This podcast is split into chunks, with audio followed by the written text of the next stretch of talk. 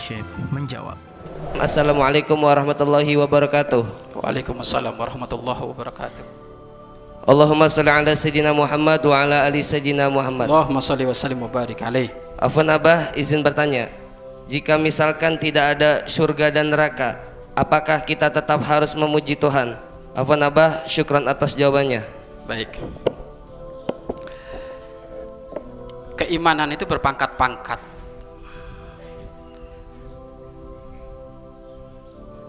Apa bedanya salik dan wasil? Wasil itu dia memuji Allah cukup dengan melihat sifat-sifatnya itu wasil. Allah Maha Kasih dan cinta walaupun belum nyampe ada bukti sudah percaya Allah Maha Kasih dan cinta. Tapi kalau salik harus ada buktinya dulu. Jadi itu derajat keimanan kepada kepada Allah itu berpangkat-pangkat. Derajat keimanan kepada Allah itu berpangkat-pangkat. Di saat tidak ada neraka dan surga, apakah kita harus apakah apa, apakah kita wajib memuji Allah? Kalau memuji Allah tidak perlu ada neraka dan surga.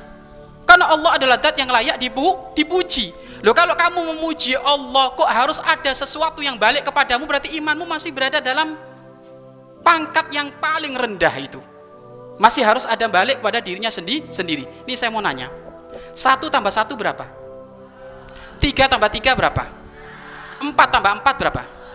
ente ngomong 2, 6, 8 dengan lepas ente mengatakan seperti itu lalu memuji kepada Allah aja kenapa kok harus ada hal yang balik kepada pribadimu begitu rendahnya iman itu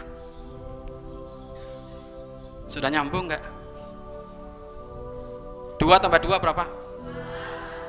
Ente sudah dapat kemanfaatan dari empat itu kok ente lepas ngomong empat gitu? Muji kepada Allah aja kok harus pakai mana? Hasilnya dari Allah mana ini? Mana ini? Mana ini? Ya hasilnya itu sudah setiap hari long ente sampai matamu sampai detik ini nggak merem satu itu apa? Bukan hasil itu. Kalau dihitung mulai dari ujung rambut sampai ujung kaki ini kan semuanya ini adalah kekuatan dari Allah dari Allah kita nggak punya SDM sama sekali gitu loh. Kenapa memuji kepada Allah subhanahu wa ta'ala kok pakai syarat? Harus ada neraka dan surga. Nggak ada neraka dan surga pun Allah layak untuk dipuji. Karena sebaik-baiknya zat yang layak untuk dipuji adalah Allah. Loh kamu kalau melihat adanya neraka dan surga baru dipuji, itu memang iman kelas awal, tingkatan paling dasar. Makanya Robi'atul Adawiyah beliau pernah berkata gini. Aku menyembah dirimu ya Allah karena engkau adalah layak uh, uh, ya Allah aku menyembah dirimu karena engkau adalah dat yang layak untuk aku sembah bukan karena aku ingin masuk surga dan bukan karena aku takut ke neraka. Ini munajatnya uh, Robiatul uh, Adawiyah. Aku menyembahmu karena engkau layak untuk disembah, bukan karena aku ingin masuk surga ataukah karena takut kepada neraka. Kalau kalimat Robiatul Adawiyah ini salah, berarti yang benar sebalik sebaliknya. Apa sebaliknya? Ya Allah, aku menyembah kepadamu karena engkau adalah dat yang tidak layak. Aku sembah dan aku ingin masuk surga dan aku takut neraka. Apa nggak kurang ajar sama Allah itu? Gitu maksudnya. Ya? Jadi memang Allah itu dat yang layak disembah. Walaupun nggak ada neraka surga, Allah dat yang layak disembah. Apalagi ada surga neraka. Neraka. Jadi pujian kepada Allah tidak terbatas.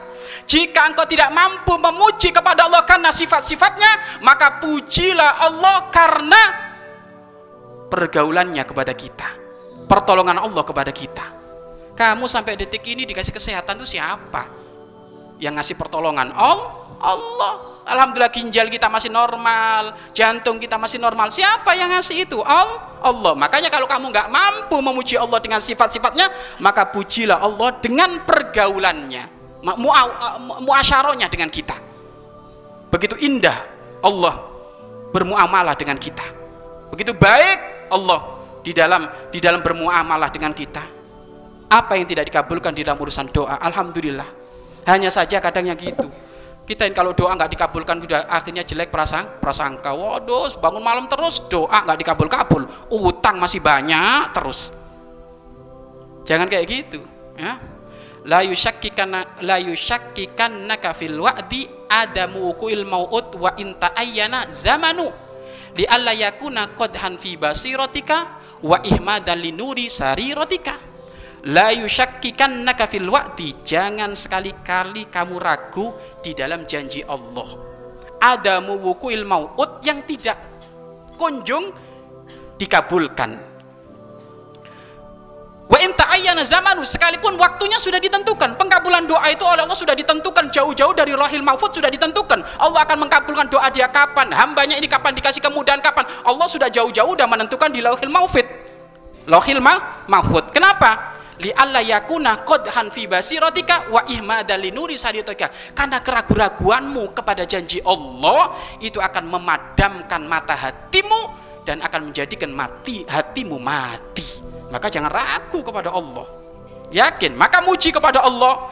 Nggak usah mikir surga neraka karena Allah layak. Kita pu puji. Apalagi sekarang Allah subhanahu wa ta'ala banyak memberikan kebaikan kepada kita kita nggak bisa wa in ta'udu nikmatallahi la tuhsuha. Kalau kita menghitung-hitung nikmat Allah nggak bakal mampu karena saking banyaknya nikmatnya Allah. Kita nggak punya modal semuanya semuanya dari Allah. Maka Allah zat yang layak dibu dipuji. Walaupun tidak ada neraka dan sur surga. Orang memuji Allah kalau masih melihat neraka dan surga itu orang bagus. Tapi tingkatan keimanannya masih tingkatan aw, awal. Yang paling hebat itu adalah memuji kepada Allah karena memang zatnya Allah yang layak untuk dipu, dipuji. Wallahu a'lam bisawab